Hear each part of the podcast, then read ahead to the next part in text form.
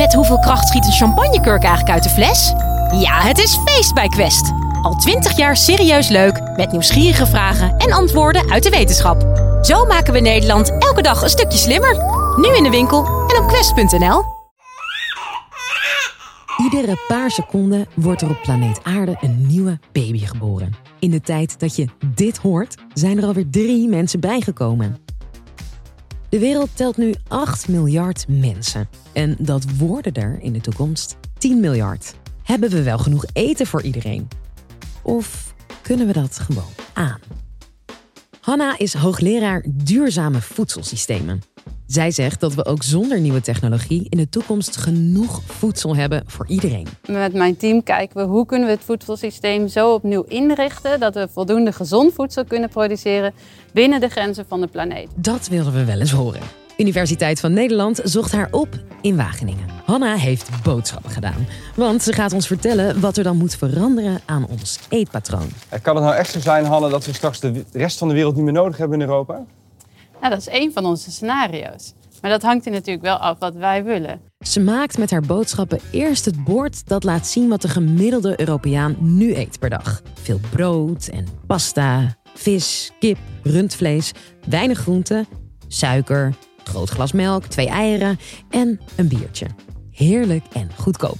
Maar niet toekomstbestendig. Onderzoek laat heel duidelijk zien dat we over de grenzen van de planeet heen gaan. En dat uh, zien we bijvoorbeeld in stikstofgebruik, in watergebruik, energiegebruik, uh, landgebruik. Eigenlijk gebruiken we van alles te veel. En dat heeft ook weer heel veel effect op onze biodiversiteit. Dus onze biodiversiteit gaat achteruit.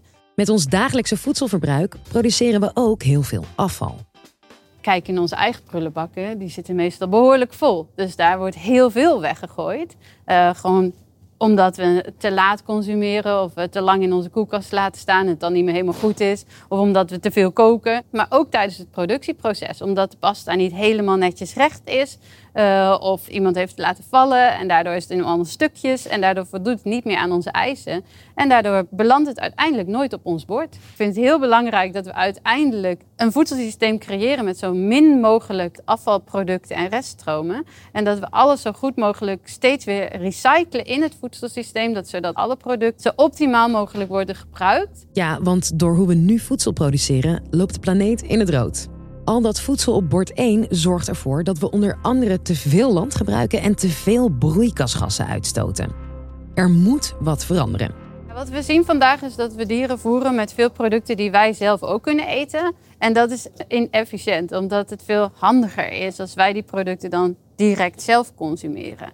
En op dit moment hebben we bijvoorbeeld 5 kilogram aan voer nodig. Van producten die wij ook zouden kunnen eten. En daar komt dan uiteindelijk 1 kilogram aan dierlijke producten uit.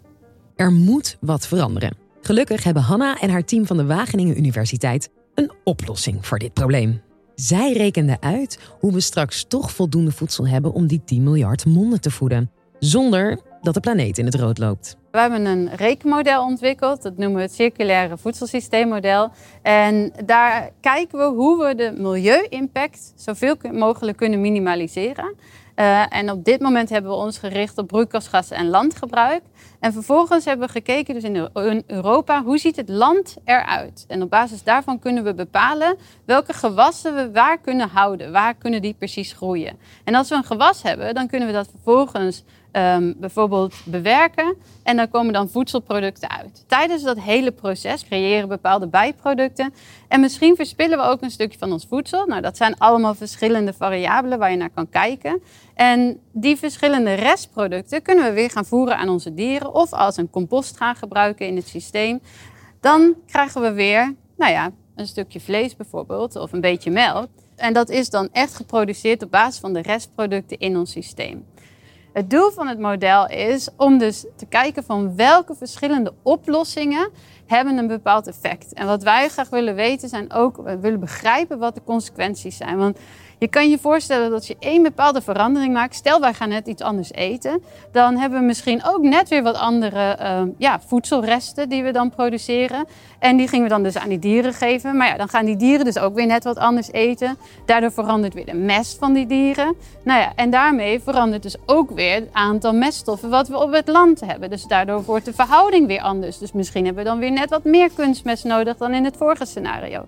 Nou, heel veel verschillende consequenties van één kleine verandering. En wij willen dus begrijpen met dit model van welke oplossingen kunnen nou helpen om uiteindelijk het voedselsysteem zo te maken dat we binnen de grenzen van de planeet zijn en ook ja, liefst zo'n gezond mogelijk dieet toch te hebben. Volgens de berekeningen van Hanna en haar team zouden we al ons voedsel lokaal binnen Europa kunnen produceren. Kunnen we dan nog steeds uh, Mexicaanse taco's, sushi, Indonesisch en avocado's eten? Dus alles wat we niet in Europa kunnen produceren, um, dat kunnen we dan dus niet meer, uh, niet meer consumeren. Dus uh, denk bijvoorbeeld aan mango's. Uh, dat wordt heel lastig. Dus het gaat echt om die producten die we dus hier niet meer kunnen produceren. En dat heeft te maken met ons klimaat, onze bodemtypes en dat soort dingen. Stel, we gaan alleen lokaal voedsel eten uit Europa. Hoe ziet ons bord er dan uit? Dat kan Hanna vertellen met bord 2.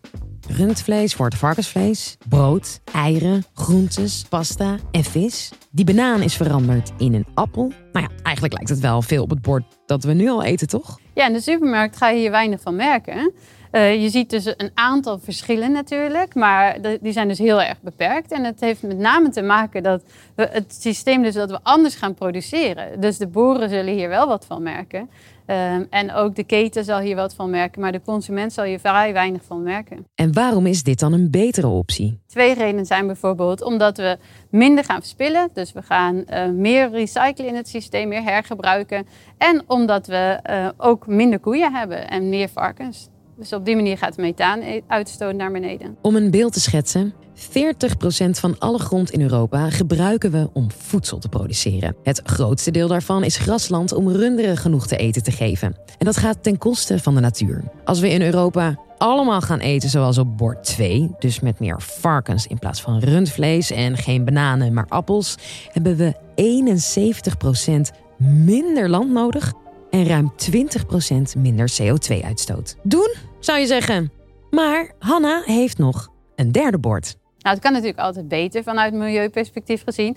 Maar je ziet ook dat we hier nog steeds heel veel consumeren. Uh, te veel rood vlees, te weinig groenten en uh, ja, te veel suikers. En dat is niet goed voor onze gezondheid. Dus we willen graag ook naar een gezonder dieet toe voor de mensen. Oké, okay, komt-ie. Er ligt een stuk minder eten op het derde bord. En het zijn vooral veel groentes en minder dierlijke producten. Toch ligt er nog wel vlees op het derde bord. Terwijl dat juist voor heel veel CO2-uitstoot zorgt. Er ligt nog wel vlees op ons bord, omdat we dierlijke producten belangrijke voedingsstoffen bevatten die wij uh, dagelijks nodig hebben. Um, zoals bijvoorbeeld vitamine B12 of calcium, wat we ook in de melk weer terugvinden. Uh, dat is één reden. En de andere reden is omdat we dus dieren um, in het systeem hebben die al die restproducten, dus de producten die wij niet kunnen of willen eten, gaan omzetten um, in voedsel. Het voedselsysteem is zo ingericht dat het zo efficiënt mogelijk is vanuit de planeet, maar ook een gezond dieet oplevert. Wat we uiteindelijk willen doen is ook deze scenario's met verschillende mensen maken. Daarvoor zijn we ook weer een spel aan het ontwikkelen.